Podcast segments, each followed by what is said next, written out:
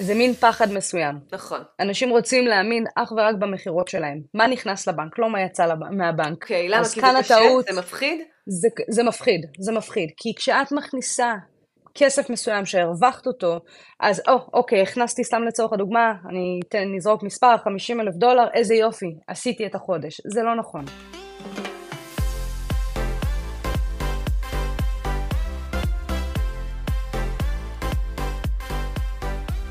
היי כולם, אני דוקטור שלי רווה, מנהלת מרכז קואוצ'ינג לישראלים שגרים בחו"ל. וברוכים הבאים לפודקאסט עפים בחו"ל, הפודקאסט שבו נשתף ונחשוף חוויות של ישראלים שעברו לגור בחו"ל. בכל פרק נשמע סיפור אישי אחר, נלמד על האתגרים של החיים בחו"ל, וניתן טיפים ותובנות מהחוויה האישית. מוזמנים להצטרף אלינו לפרק נוסף. אז ברוכים הבאים לפודקאסט עפים בחו"ל, והיום איתנו נועה חן מפלורידה. היי נועה! שלום שלי, תודה שהזמנת אותי, אני מאוד מאוד מתרגשת. איזה חמודה. אני- נועה הסבירה לי לפני שהיא מאוד מאוד נבוכה, אוקיי? אז אנחנו הולכים לחבק אותה לאורך כל השיחה שלנו ולקבל את כל ההתרגשות ביחד איתה. אז אני רוצה לספר לכם איך הכרתי את נועה. את נועה הכרתי כשאני אה, פניתי לכמה משרדי רואי חשבון שלא הכרתי בארצות הברית וביקשתי עזרה בליווי של המיזם שלנו לחיילים בודדים. ונועה מיד קפצה ואמרה, אני, אני, אני רוצה, אני אשמח, רק תני לי לסיים את עונת המיסים ואני כולי שלך. אז אה, נועה, קודם כל זה נורא נורא מרגש, שמי שככה ישר קפצה על זה, וזה היה מדהים לראות, כי גם פניתי להרבה משרדי חשבון גברים שלא חזרו אליי או אמרו לי שזה לא מתאים, אבל את אה, קפצת ואמר שכן. אז בואי נכיר אותך ביחד, כי אני לא מכירה כל כך את נועה, רק ככה בשיחה יחסית קצרה, או שיחות קצרות שהיו לנו. אז בואי נכיר את כל הסיפור שלך, ואיך הגעת לזה שיש לך משרד רואה חשבון בפלורידה, שעוזר לכל כך הרבה אנשים, ועוד את מוצאת זמן לתת פרו בונו ובהתנדבות ומזמנך, אה, ולסייע לכל כך הרבה פרויקטים מקסימים ששמעתי שאת עוד עושה. אז בואו נתחיל מההתחלה, מהסיפור שלך. תודה רבה שלי. אה, קודם כל עברתי אה, לארצות הברית עם כל המשפחה בשנות ה-20. כולם כולם? אבא, אימא, אחי, כולם בפעם אחת? כולם? כולם ביחד, עברנו לכאן. האמת שהאחים שלי הגדולים היו כאן קצת לפני. אה, החלטנו באמת אה, כולם ביחד אה, להתאחד ולחיות ביחד כאן בארצות הברית. זו הייתה תקופה מדהימה של כולנו. לאחר כמה שנים כולם חזרו לישראל חזרה ואני נשארתי כולם כאן. חזרו? כולם חזרו, הפעם גם כולל אחיינים. ואני באמת החלטתי להישאר כאן. זאת הייתה תקופה שהרגשתי שאני שייכת לכאן, שלא מיציתי את עצמי, שיותר רציתי להכיר ולדעת מה אני רוצה אה, לעשות. אה, ברוב העבודות שעבדתי לפני כן, אה, תמיד הייתי מעורבת, ידעתי בוודאות שאני הולכת להישאר כאן. לא הייתה לך דילמה? לא הייתה לי דילמה. תקשיבי, זאת אני- אמירה מאוד מאוד חזקה של בחורה צעירה שכל המשפחה שלה חוזרת והיא נשארת, אוקיי? שכנראה גם זה מה שעיצב אותך וזה מה שאפשר לך להגיע לאן שאת היום. אבל מתוך הסיפור שלך האישי, מעבר למה שאת תתני לנו טיפים בנושא של אה, מיסים ולישראלים, מתוך הסיפור האישי שלך, את לא סתם הגעת לאן שהגעת, לא סתם היום את מנהלת את אה, משרד רואה חשבון כל כך גדול, מפואר, אה, ומכובד ומקצועי שיושב בפלורידה ונותן כל כך הרבה שירותים. הסיפור האישי שלך הוא המרכיב העיקרי בכל ההצלחה הזאת. את בחורה בת 20 פלוס, לא משנה, פחות או יותר, כל המשפחה חוזרת עם האחים, עם האחיינים, ואת יודעת בוודאות שאין לך אפילו דילמה. מה מאפשר לבחורה בת 20 כל כך לדעת ולהיות החלטית? קודם כל ראיתי את הפוטנציאל כאן שהרבה יותר קל להתמודד מאשר מדינת ישראל, לצערי הרב, שאני מאוד אוהבת את המדינה שלנו, אבל התפתחות בשנות ה-20 כאן הרבה יותר אה, קל אה, ויותר, אה, לא, לא, לא בהכרח קל, אבל יש יותר אפשרויות. יש יותר אפשרויות, יש כאן יותר אופציות. וגם פחדתי מלחזור אחורה וללמוד מחדש את חוקי המדינה ואיך באמת להתנהל במקום שאומנם גדלתי בו, אבל הוא כבר היה לי פחות מוכר, אוקיי, אז פחות הרגשת, מוכר, הרגשת יותר שאת מכירה את... בטוחה כאן. אוקיי. יותר בטוחה, אוקיי. וגם הייתה לך, אם אני שומעת נכון מתוך הדברים שלך, איזשהו קול פנימי, איזושהי אינטואיציה שאמרה לך, נועה, אל תחזרי. אל תחזרי עם כל המשפחה, תישארי, את תצליחי להגשים את עצמך הרבה יותר במרחב האפשרויות של ארצות הברית. נכון. אוקיי. נכון מאוד.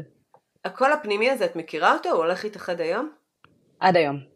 אני מאוד מקשיבה לקול הפנימי שלי, לאינטואיציות שלי, וזה מוביל אותי מאוד לאורך כל הדרך, האמונה בעצמי וההגשמה העצמית, ולא פחדתי אף פעם לגעת דווקא באינטואיציה ולאו דווקא במה שנכון, או שאומרים שעדיף שתעשי ככה וככה. וואו, מדהים. אז עוד לא התחלנו לדבר וכבר יש לך פה טיפ מאוד מאוד משמעותי למי ששומע אותנו, שבעצם את אומרת, הקשבתי לקול הפנימי שלי, וגם לא, לא נכנעתי לפחדים של בחורה בת 20 להישאר לבד, שעוד מעט תסביר לנו מה זה אומר בכלל. אה, זה אפילו הרבה יותר קשה מאשר לבוא עם, עם תיק ולעבור לכאן, אבל רגע, הטיפ הזה אנחנו רוצים לסיים אותו. את אומרת, תקשיבו לאינטואיציה שלכם, לכו עם תחושות הבטן שלכם, אל תעשו את הדבר הנכון, הצריך, המקובל, נכון? המוכר, כן. אוקיי. Okay. זה ללכת נגד הזרם, זה ללכת על פי האינטואיציות שלך, ובאמת אה, להגשים את מי שאתה ולהאמין בעצמך. זה לפני הכל. וואו, זה כבר טיפ שכל אחד ששומע אותנו ככה יכול לקחת ולבדוק איך השנה אנחנו יותר מקשיבים לאינטואיציות שלנו ואיך אנחנו מקבלים את ההחלטות ממקום יותר אינטואיטיבי, נכון? נכון, נכון. אוקיי. עכשיו יש, יש משהו שהוא מאוד מאוד אה, קשה בזה שכל המשפחה חוזרת לארצות הברית ואת נשארת. זה הרבה יותר קשה מאשר לקחת תרמיל כשאת בת 22, לשים אותו על הגב ולהגיד לאמא ולאבא שבישראל, תקשיבו, אני הולכת לפלורידה, אני אבדוק חצי שנה שנה איך זה מרגיש לי. מרגיש לי נעים אני אשאר, לא מרגיש לי נעים אני אחזור. יש משהו הרבה יותר מפחיד, יש אפילו כזה מין חוויית נטישה שהם הולכים ואת נשארת. נכון מאוד, את מרגישה תחושה שכביכול את אה, בודדה, את אה, לבדך, ממשפחה מאוד חמה ואוהבת, שכולם ביחד, אה, את נשארת באמת לבד, ואין יותר ארוחות שישי אפילו, ואין את החמימות שאפילו ללכת ולראות אח, אחות, אמא, אבא.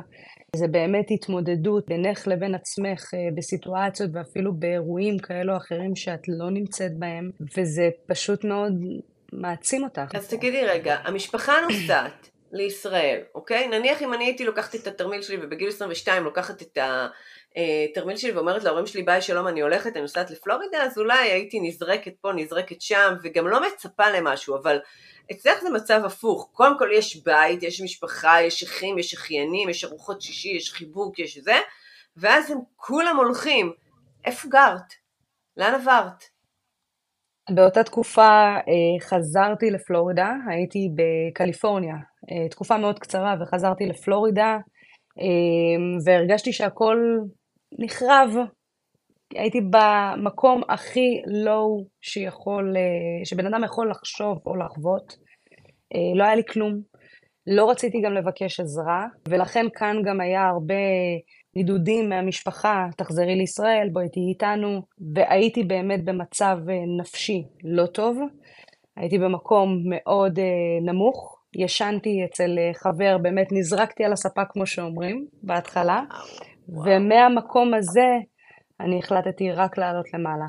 אני קפצתי למים מאוד עמוקים, ובאמת החלטתי להאמין בעצמי, גם אם אין לי ולא היה לי כדולר, באמת לחשוב על אה, ללכת ולקנות משהו לאכול, אה, יותר מהמקום שאת במצב כזה בדרך כלל אומרת, אוקיי, לכי להיות שכירה, או תשיגי עבודה כזו או נכון. אחרת כדי להתקיים, וכאן דווקא החלטתי שאני הולכת להגשים באמת את נועה.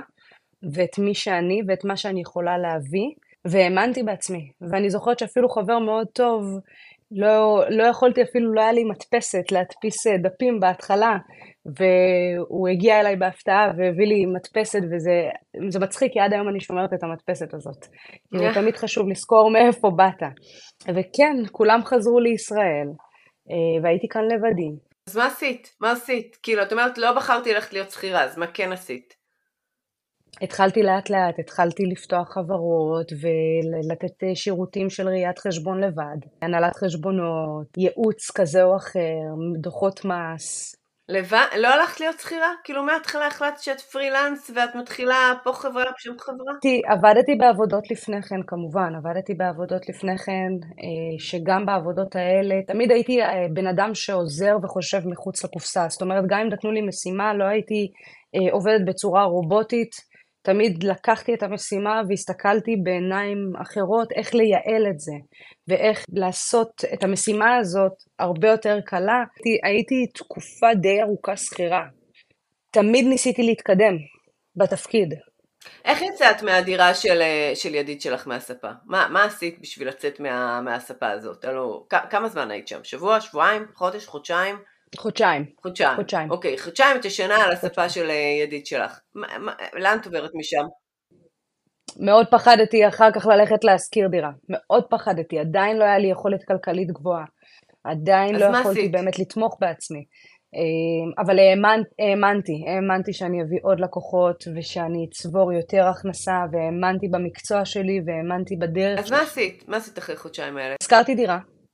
במעט כסף שבאמת הצלחתי לצבור מלקוחות אה, שצברתי ושנתתי להם שירותים כאלה או אחרים, בין אם זה שוב, שוב פעם פתיחות חברה וניהול חשבונות, אה, הנהלת חשבונות חודשית, ומשם באמת אה, עברתי לדירה שכורה ולא היה לי עדיין יכולת כלכלית וקניתי רק מזרון וזה מה שהיה לי בהתחלה. והייתי עובדת עם לפטופ ומזרון. אמ, וככה באמת לאט לאט אה, צברתי יותר ויותר אה, לקוחות, האמנתי בעצמי, קמתי כל בוקר מוקדם, אמ, השתדלתי לפרסם, השתדלתי לדבר על מי אני ומה אני עושה ואיזה שירותים אני נותנת. וככה לאט לאט אה, גדלתי ופתחתי את המשרד הראשון שהיה לי. שהיית שמה לבד בהתחלה? במשרד. כן. לא, במשרד היה רואה חשבון שהציע לי שותפות, וככה התחלתי, פתחנו את המשרד אה, ביחד, אה, שיתפנו פעולה. אה, היום אנחנו עדיין עובדים ביחד. ואז היינו, והייתם שניים בהתחלה, את אני והוא, רק, רק אני והוא, כן. רק אוקיי, אני והוא. היום כמה עובדים יש איתך? יש לי 15 עובדים. וואו, איזה מטורף, כן.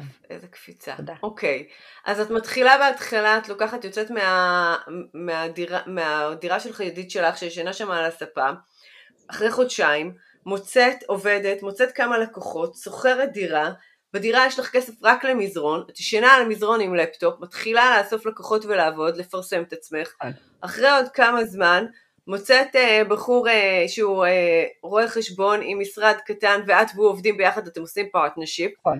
ואתם עובדים ביחד רק שניכם, ו- ואת עובדת ומפרסמת ונותנת שירותים ומגדילה ראש ונותנת uh, שירות יוצא דופן וממליצים עלייך ומפה לאוזן, ככה לאט לאט לאט את בונה את עצמך והיום את אחד ממשרדי uh, רואי החשבון המובילים באזור של uh, פלורידה עם צוות מטורף של 15 עובדים. אני רואה אותך מצטנעת, זה אנחנו לא ניתן לך את הבמה להצטנע.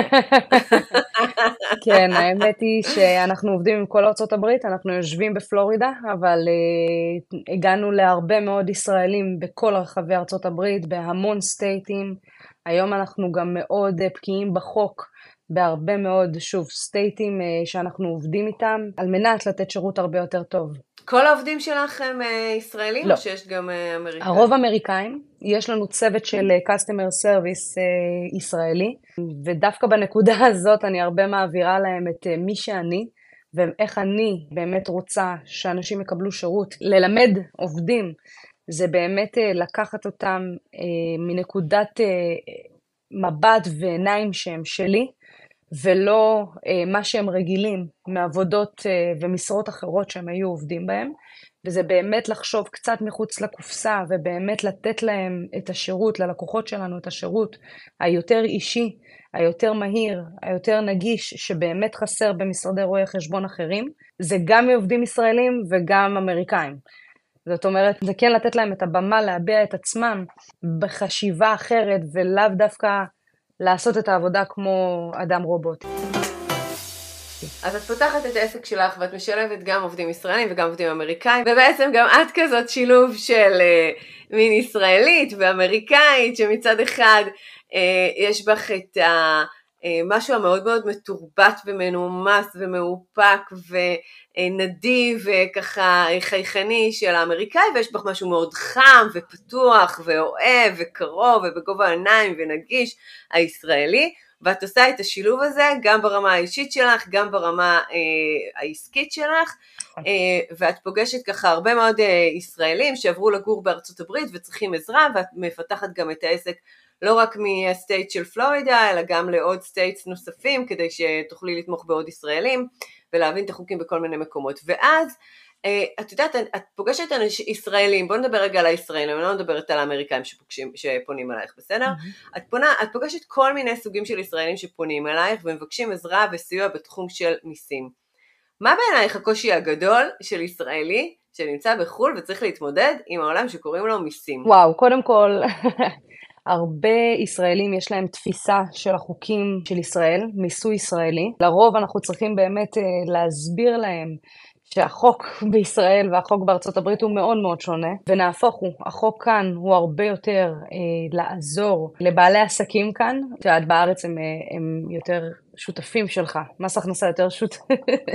שותפים, וכאן הם לא. אה, אם את באמת מבינה את החוקים ויודעת להסתכל על אה, תדמית עסק בצורה שונה, אפשר להבין שהמיסוי כאן הוא הרבה יותר נמוך, וההתנהלות כאן היא הרבה יותר קלה. ועושים את המיסים פה רק אה, פעם אחת, נכון? לעומת ישראל שעושים כל חודשיים ויש מע"מ וצריך לדווח וצריך, אה, זה הרבה יותר התעסקות, צריך את פעם אחת, אה, מישהו שיבוא ויסתכל על התמונה בצורה גלובלית ו... לא בהכרח, לא בהכרח. יש אנשים שמשלמים גם במהלך השנה, כל רבעון, שהם מכינים, קוראים לזה estimated tax, הם מכינים את השנה מראש אה, עם תשלומים. וגם ברמה חודשית, אני למשל בעסק שלי, יש לי מישהי שכל חודש עושה לי אה, ככה את כל העבודה של אה, הנהלת חשבונות. לא, יש עבודה של הנהלת חשבונות שהיא חודשית, יש תשלום של מס הכנסה שהוא רבעוני. נכון. ויש כמו, יש הרבה מאוד תחומים בתחום הראיית חשבון, זה יכול להיות גם בן אדם שיש לו retail כזה או אחר, אז גם עושים לו sales tax, עושים לו מע"מ. אני חושבת שהקושי הכי גדול של בכלל אנשים להתעסק עם מיסים, זה שמיסים בא בקונוטציה כמובן של כסף, ואנשים מפחדים להתעסק בכסף. אנשים לא אוהבים להתעסק בכסף, ולא רק שאנשים לא אוהבים להתעסק בכסף, נשים לא אוהבות להתעסק בכסף. נשים וכסף זה כאילו אה, מים ושמן, כאילו חינכו אותנו על זה שאנחנו בכלל לא אמורות להתעסק בכספים, זה בכלל העולם הגברי ואנחנו אמורות להיות רחוקות מזה. ואת מנהלת נכון. משרד אה, רואה חשבון, אה, אישה אה, שהתחילה גם את דרכה בגיל צעיר, את עדיין צעירה, אנחנו לא נגלה בת כמה את, אבל את עדיין מאוד צעירה, ואת אה, ככה, אה, את יודעת, מתעסקת בתחום שהוא מאוד לא מאפיין נשים. נכון, למה, תחום למה, גברי. נכון, תחום גברי כזה, כי זה גם מיסים וגם מספרים כן. וגם כסף וגם uh, זה, וגם חוקים, כאילו הכל שמו לך ביחד. נכון. אוקיי, אז מה, למה את חושבת שאנשים מפחדים להתעסק במיסים? קודם כל, מהראייה שלי, בן אדם, כל בן אדם, אני רואה אותו כיצירה. זאת אומרת, אה, לרוב כל אדם הוא טוב במשהו מסוים. הוא טוב, אה, לצורך הדוגמה יש אנשי שירות, יש אה, אנשי השקעות, יש אנשי אמ, ייעוץ, יש, יש כל מיני ייעוץ, אפילו, אפילו, אפילו עקרת בית, משק בית, זה גם עבודה בפני עצמה. אמ, ולכן אני אומרת, המטרה היא כאן להסביר שכל אדם הוא טוב במשהו מסוים, אז יש להם את החשש של סדר, חוק וכסף. יש להם את החשש מלטעות, יש להם את החשש מלקחת אמ, אחריות על עצמם במשהו שהם הם טובים במשהו מסוים, הם לא באמת טובים בניהול כספים כזה או אחר, או מפחדים, חוששים לטעות בלהגיש דוחות מס, או אה, לקחת את האחריות על עצמם באמת ולעשות את זה לבד. אז לכן הם תמיד, אה, כמו שהולכים לרופא, אז גם הולכים לרואה חשבון לייעוץ כזה או אחר. אבל יכול להיות שישראלי הוא כאילו חשדן, לא רק כי הוא ישראלי, לא רק בגלל שאנחנו ישראלים, אלא בגלל שאנחנו מהגרים. אז כמהגרת, אני יכולה להגיד לך שאחד הדברים שאני פוגשת, הרבה פעמים, אה, אני מנהלת אה, מרכז קואוצ'ינג אה, לישראלים שגרים בחו"ל. כל שבוע פונים אליי עשרות אנשים שמבקשים עזרה ברמה העסקית, כלכלית, אישית, שהם רוצים להתפתח ולהביא את עצמם למקום יותר טוב. כשאני פוגשת אותם בשיחת הטלפון הראשונה שהם פונים, אני שומעת הרבה מאוד חשדנות. עכשיו, בהתחלה הייתי קצת מופתעת מזה, היום אני מבינה שאנחנו מהגרים, ואני מהגרת, אוקיי? גם אם יש לי כבר אה, אזרחות ואני מעל עשר שנים פה, זה לא משנה. כמובן. אני מהגרת בהגדרה שלי, כי את השורשים שלי השארתי בישראל ועברתי לגור איפשהו בחו"ל. כמהגרת, אני לא שייכת למקום, אני הרבה פעמים זרה, גם אחרי עשר שנים, אני הרבה פעמים מרגישה הרבה יותר בבית מאשר כאן, הרבה פעמים החברות שלי בבית הן חברות שהן הרבה יותר חברות בלב מאשר חברות שהן אה, נמצאות כאן, שהן אה, זה שהתיישבנו ביחד ואנחנו באותו שטח.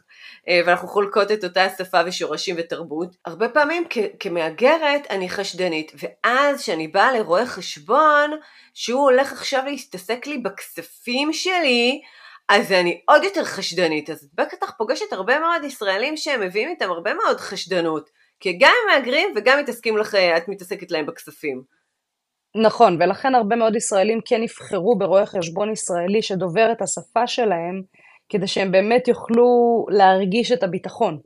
ישראלים שאת פוגשת, הם באים עם איזשהו חשש, כאילו לפחות אני פוגשת אותם עם באמת הרבה מאוד אה, חשדנות, בעצם היותי מהגרת.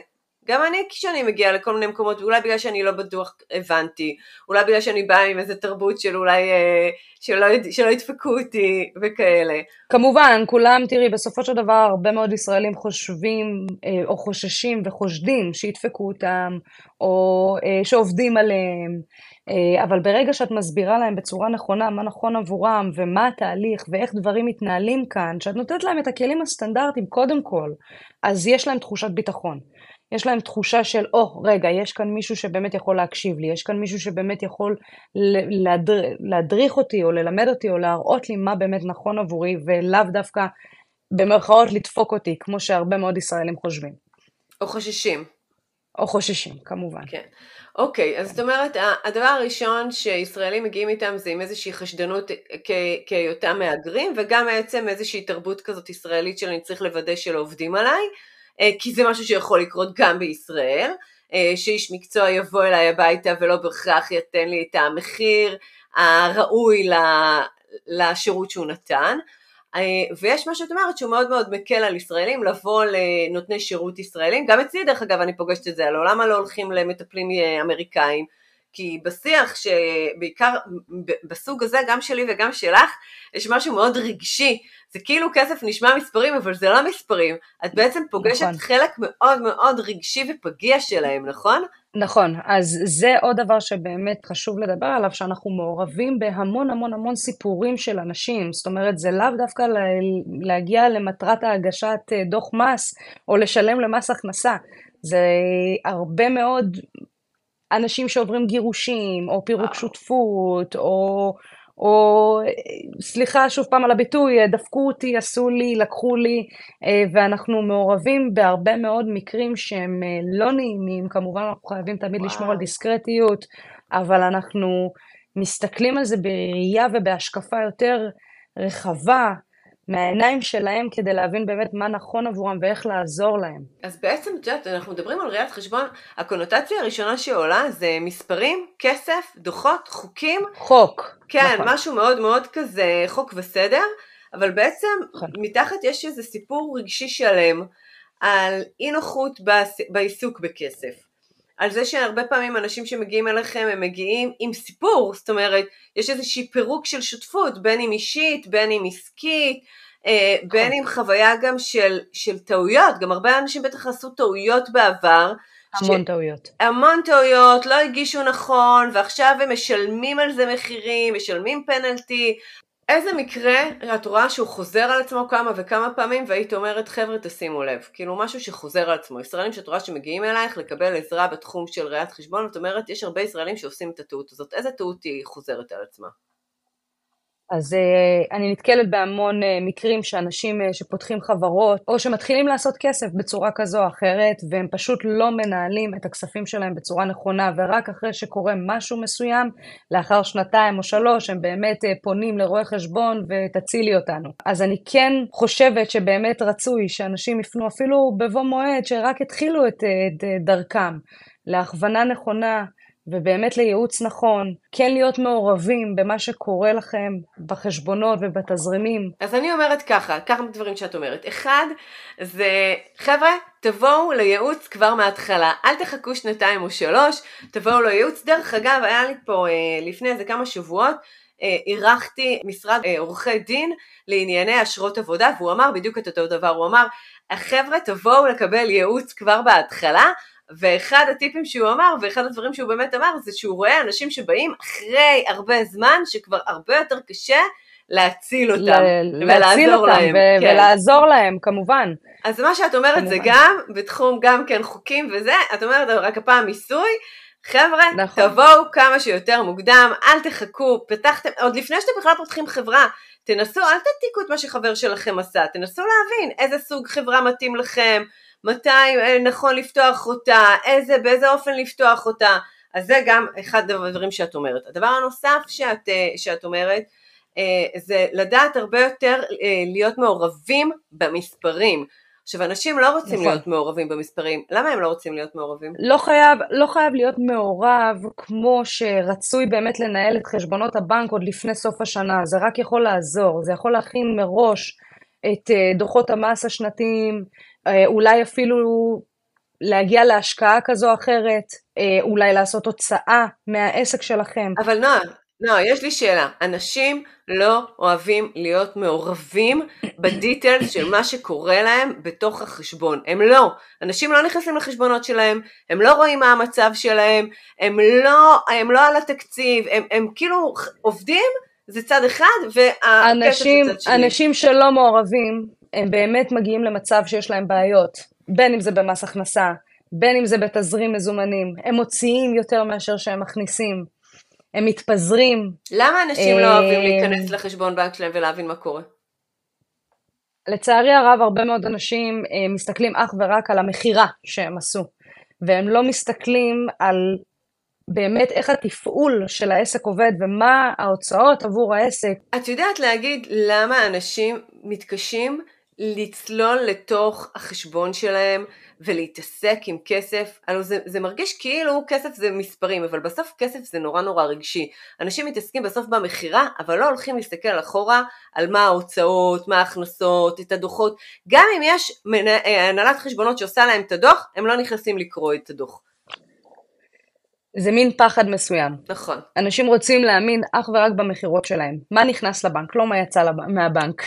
אוקיי, למה? כי זה קשה? הטעות, זה מפחיד? זה, זה מפחיד, זה מפחיד. כי כשאת מכניסה um, כסף מסוים שהרווחת אותו, אז או, אוקיי, הכנסתי סתם לצורך הדוגמה, אני אתן, נזרוק מספר, 50 אלף דולר, איזה יופי, עשיתי את החודש. זה לא נכון. כי לרוב, ככל שאתה מכניס גם יותר, ככה גדלות גם ההוצאות. ופה בן אדם באמת אה, טועה לרוב, והרבה מאוד אנשים נופלים בגלל זה. אז מה שאת אומרת זה לקחת שליטה, לקחת שליטה, להיות מעורב. טיפ מאוד קטן, קחו עשר דקות, עשר דקות בחודש, בין אם זה עסקים קטנים, תבנו לעצמכם הכנסות כנגד הוצאות על פי התדפיס בנק, או עסקים גדולים, תסתכלו על המאזן רווח והפסד, כי בסופו של דבר אתם מכירים את העסק שלכם יותר טוב מכולם. זאת אומרת, אתם יודעים מה היכולות שלכם, אתם יכולים להסתכל על התזרים. אבל את יודעת, אנשים לא יעשו את זה. בואי, תקשיבי, אני יושבת עם הבעל שלי פעמיים בחודש, אם תשאלי אותו מה הסבל הכי גדול שלו, זה שאני רושמת לו ביומן, שאנחנו עוברים על התדפיס של כרטיסי אשראי. עכשיו, בגלל שיש לנו כמה כרטיסים, ויש לנו גם ילדים בגירים, ולכל אחד גם יש את הכרטיסים שלנו, אז את לא יכולה לדעת באמת מה היו ההוצאות ומי יוצאים מה, ואת לא יכולה לעקוב על זה. אז פעמיים בחודש אני מושיבה אותה, ואנחנו עוברים שורה שורה, ואנחנו רואים שבאמת יש לנו את כל ההוצאות, ואנחנו עושים קטגוריות, אחרי זה אני עושה את הניתוחים וזה. סבל וייסורים לבעלי, סבל וייסורים. אז לכן את יכולה באמת לפנות לרואה חשבון שיעשה עבורך אנחנו עושים את זה בפרטי, אנחנו עושים את זה בפרטי, לא בעסקי. אז זה מאוד מאוד חשוב גם בפרטי כמובן לעשות את זה. אני רוצה לשאול כן. אותך משהו.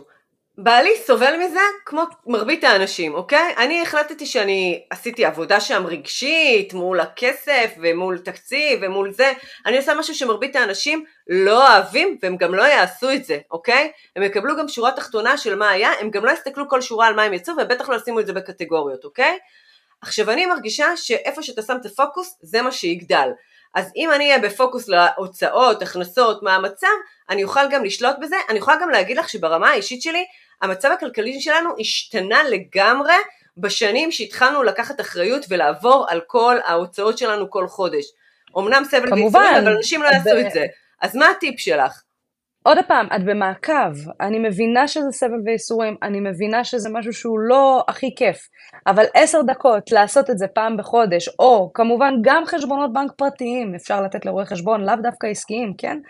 אמ, או ליצור, יש אקסלים שאני באמת יכולה גם לתת אותם, שהם יותר קלים לעבודה, אה, אפילו אה, לחשבונות בנק פרטיים.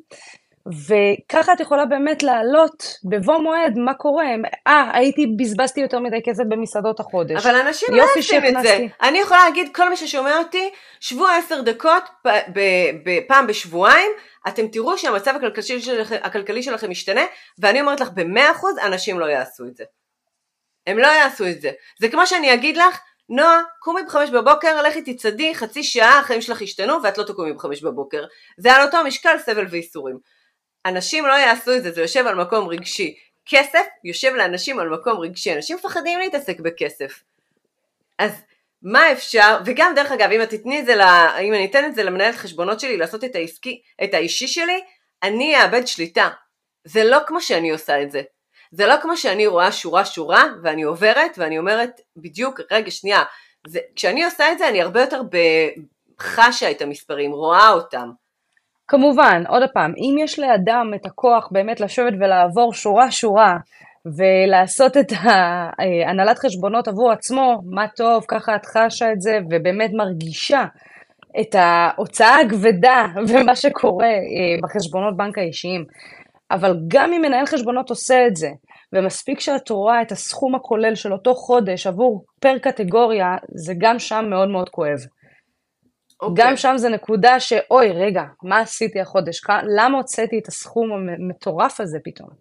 את יודעת, הרבה פעמים אצלנו, לפחות בבית, זה לא איזה סכום מטורף.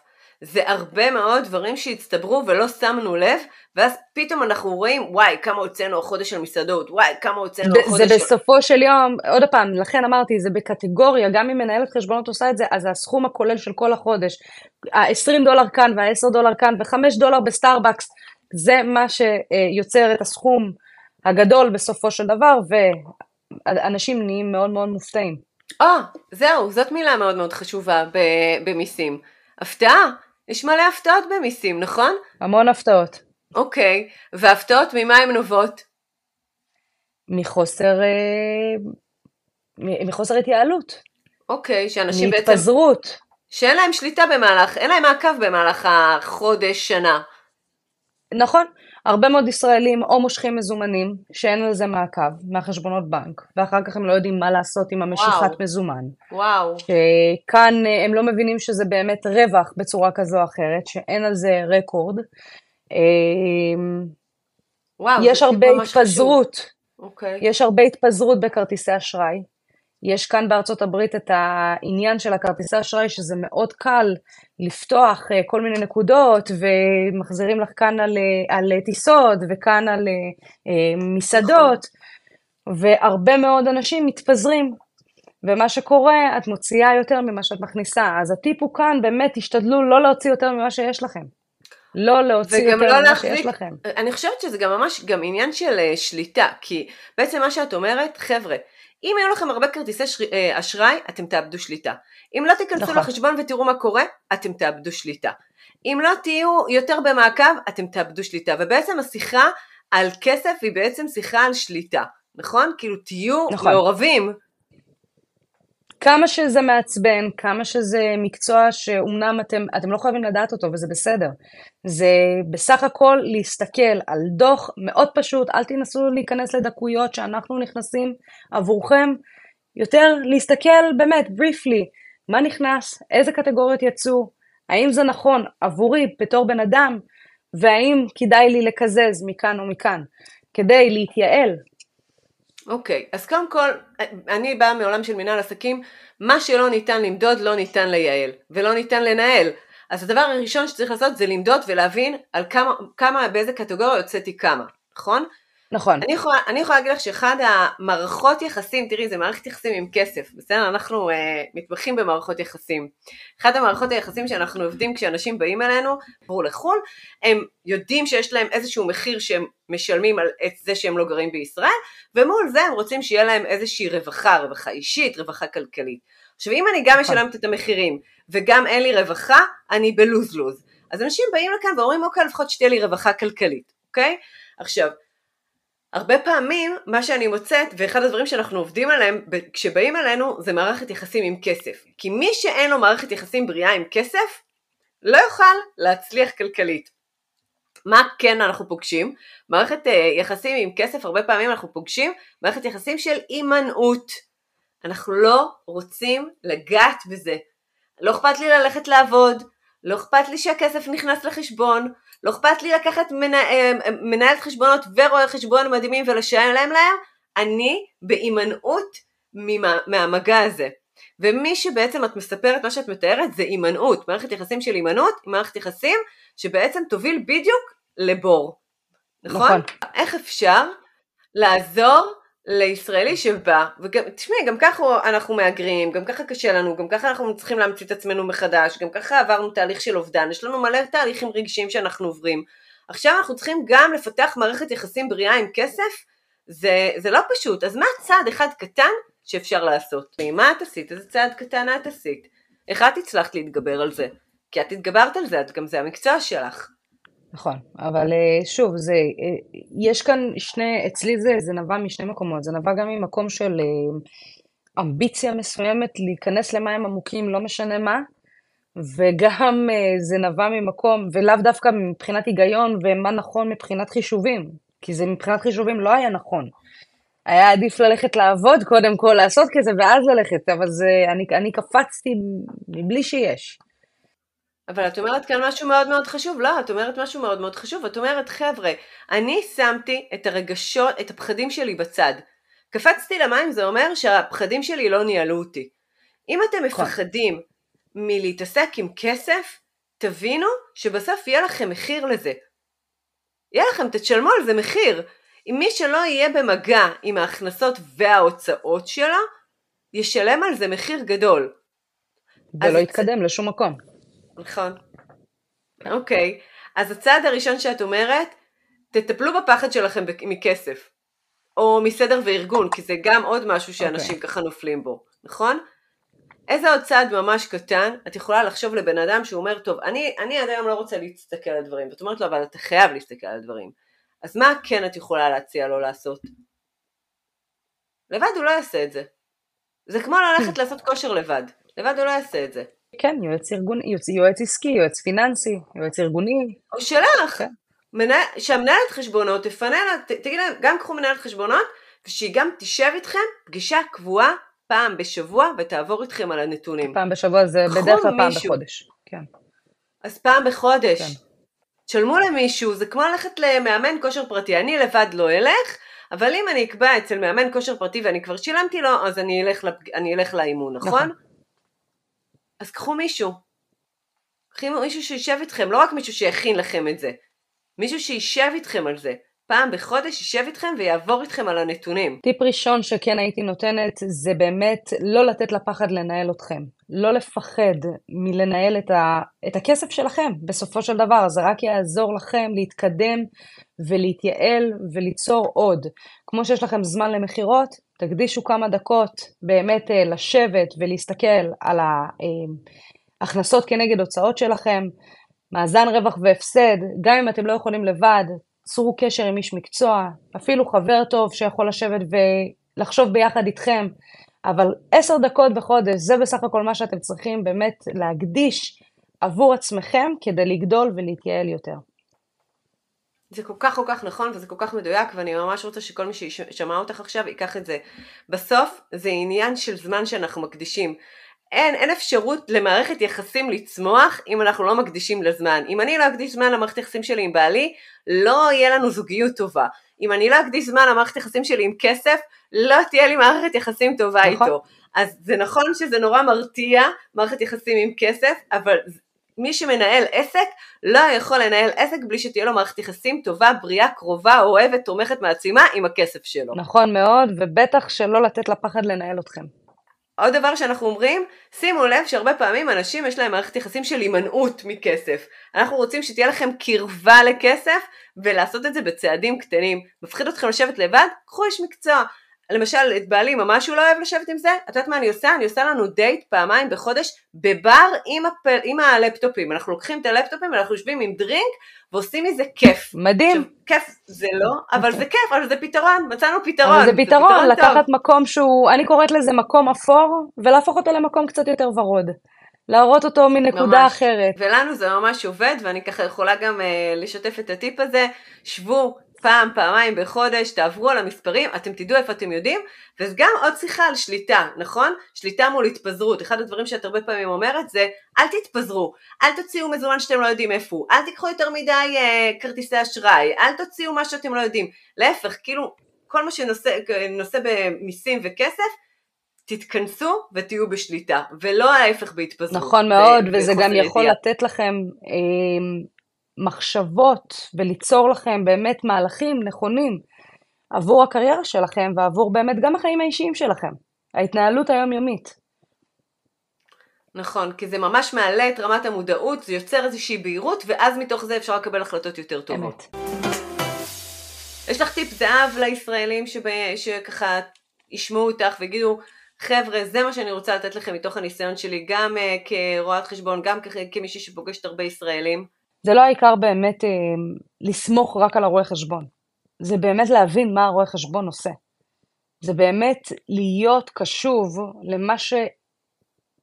איזה ייעוץ נותנים לך. כי את יודעת, נגיד, קרה לי סיטואציה עם לקוח שהגיע אליי. הוא היה עם רואה חשבון במשך שבע שנים, והייתה לו מסעדה. והוא באמת שמח על הרואה חשבון, הוא שמח שהוא יגיש לו מע"מ, שהוא ישלם לו את המשכורות, אה, את כל ה-liabilities, אה, שבאמת יגיש לו מיסים בזמן. לצערי הרב, הוא לא היה קשוב, והוא לא באמת עבר על הדברים כמו שצריך ובדיוק. והיום אנחנו הולכים אחורה שבע שנים באמת לטפל בכל הדבר הזה, כי דברים לא הוגשו בזמן ולא שולמו בזמן. עכשיו, אני לא יכולה להאשים לא את הרואה חשבון ולא את הלקוח. למה? כי היה כאן חוסר תקשורת. זאת אומרת, הלקוח רצה להעלים עין ולהאמין שהרואה חשבון יעשה את הכל, אבל תבינו שהרואה חשבון לא יכול להגיש על דעת עצמו אם אתם לא מאשרים. זה דבר ראשון. דבר שני, גם הרואה חשבון, לרוב הם יודעים להכין מסמכים. הם לא באמת מתקרבים באופן אישי ואכפתי לתת את התמיכה ללקוח ולהסביר לו, היי, hey, אם אתה לא תעשה את זה, יקרה א', ב', ג'. וכאן אנחנו רואים... בסוף האחריות גם יושבת על, ה... על בעל העסק. בסוף האחריות היא נכון בעל מאוד, העסק. נכון מאוד, היא גם על בעל העסק והיא גם על הרואה חשבון. כל עוד שיש באמת רואה חשבון אכפתי, שהוא באמת רואה מעבר לרק מסמכים שהוא צריך להגיש. אבל לא, בסוף מי שישלם את הפנלטי זה הבעל העסק, זה לא הרואה חשבון. נכון מאוד, כי אם הוא לא הגיש בזמן או לא חתם בזמן, אז זה אחריותו של בעל העסק. בסוף בעל העסק הוא זה שישלם את המחיר, אז חבר'ה קחו אחריות על העסק, אתם לא יכולים לבחור רק uh, רואה חשבון טוב. את יודעת, לאבא שלי היה משפט לחיים, כי אמא שלי הייתה חולת סרטן המון שנים, והוא לימד אותי שזה לא מספיק ללכת לרופא טוב, צריך גם להיות חולה טוב. נכון. צריך להיות זה ששואל את השאלות, זה שמברר, זה שבודק אם יש עוד אופציות. אותו דבר ככה עם ראיית חשבון. זה לא מספיק שאתם בוחרים לכם רואה חשבון טוב, תהיו גם בעלי עסק טובים, תהיו מעורבים הרבה יותר. אני יש לי מזל מאוד גדול, יש לי... Uh, לקוחה שהיא אה, אה, מנהלת חשבונות, והיא כל הזמן בודקת אותי, היא לקוחה שלי, כן? אבל היא כל הזמן בודקת אותי מה קורה לי עם המיסים, האם בדקתי, האם ישבתי עם המנהלת חשבונות שלי, עוברת איתי על הדוחות שלי, אז, אז אני, אנחנו ככה, כן. אז היא דואגת לי, יש לי כזאת איזה מאמה כזאת שאחראית על זה שאני לא מפספסת שום דבר.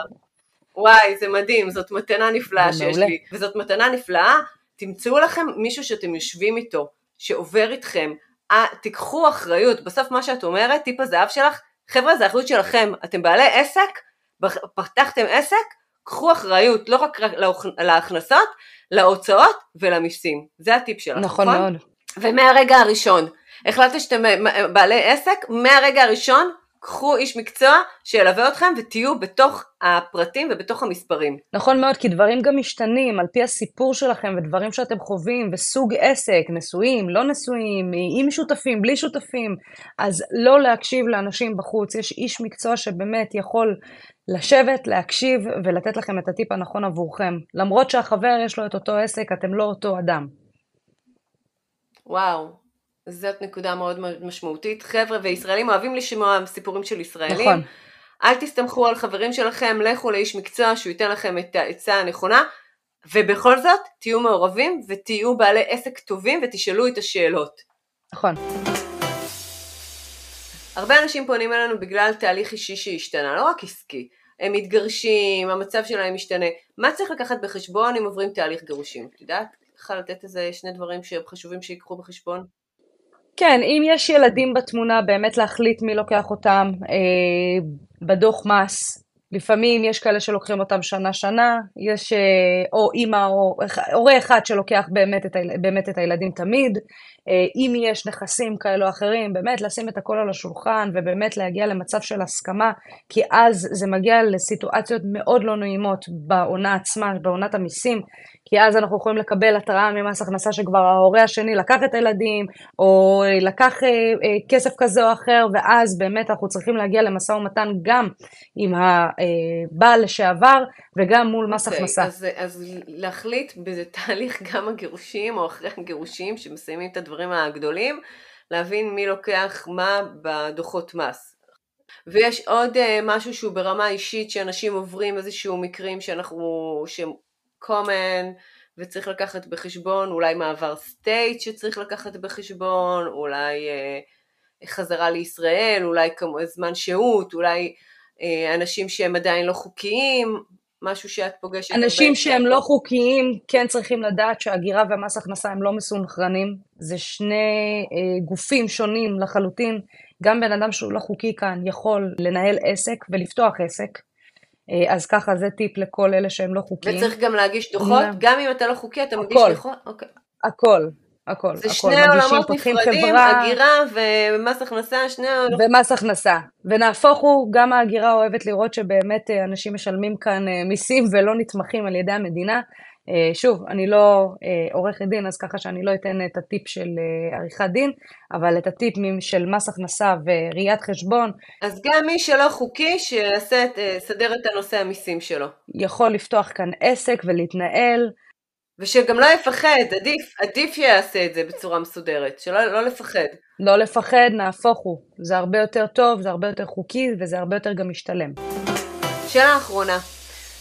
הלוא הכרנו, ובזה אנחנו ככה סוגרות את התחילה של השיחה, הכרנו מזה שאת קפצת ואמרת, היי, אני מוכנה להתנדב ללוות את הפרויקט של חיילים בודדים. את בעצמך היית סוג של, את יודעת, לא היית חיילת בודדה, אבל נשארת פה בודדה בלי הורים. ו, ולא מתוך ככה בחירה של את עזבת את הארץ ועברת לכאן, אלא נשארת כאן. אה, למה בחרת אה, להתנדב אה, וללוות את הפרויקט? אני רואה כל ישראלי, אפילו כאן, בארצות הברית, לא אפילו, בארצות הברית, כאדם בודד, או אפילו משפחה. ואני חושבת שנתינה, עזרה ואכפתיות כלפי חיילים בודדים בישראל, ואפילו אנשים כאן שמבחינתי אנחנו מהגרים, כמו שאמרת, כולנו מהגרים בסופו של דבר, אז אנחנו כאן אחד בשביל השני, ואנחנו כאן כדי לעזור אחד לשני, ואני חושבת שזה משהו שבאמת אם כל אחד באמת יוכל לעזור לקהילה שלו ולאנשים סביבו, זה באמת יתמוך, כי כולנו לבדנו פה בסופו של דבר. לגמרי נכון, לגמרי נכון. אני באמת יודעת שאת עושה עבודה מדהימה, ואת נותנת ככה ומלווה עוד uh, מיזמים uh, באהבה ובנתינה ואני רוצה להודות לך על זה שהסכמת uh, גם לבוא היום ולהתארח וגם בטח על זה שהסכמת ללוות וגם את עוזרת לי ככה בחיבורים ולנסות לראות מי כן יכול ואיך אנחנו כן מקימים את המיזם הזה. אז אני רוצה להגיד לך המון המון תודה על כל המאמצים שאת עושה אה, בלי שאנחנו אפילו כמעט מכירות, ככה באת וקפצת למים והתארחת ונתת מהזמן שלך ומהקשרים שלך. אה, המון המון תודה, נועה, המון המון המון תודה. תודה לך, שלי, תודה על האירוח. אז אני מאוד אה, ממליצה בחום אה, לפנות לנועה, אנחנו נשאיר פה את כל הפרטים, את הלינק למשרד שלה, אתם מוזמנים לפנות אליה, לשאול את השאלות. היא סופר נגישה, עוזרת, פתוחה. מה שאתם צריכים, תפנו אליה והיא תעזור לכם באהבה. נועה, המון המון המון תודה על כל המידע היום. תודה לך, שלי, תודה רבה שאירחת אותי, ושנה טובה לכולם. תודה רבה לכולכם, תודה רבה לכל המאזינים שלנו, תודה רבה לעורכת עינת מילו. אני דוקטור שלי רווה, מנהלת מרכז קואוצ'ינג לישראלים שגרים בחו"ל. מוזמנים להזמין חברים שיכולים להיתרם מהפרק, וכמובן להאזין לנו בכל הפלטפורמות. נתראה בפרק הבא.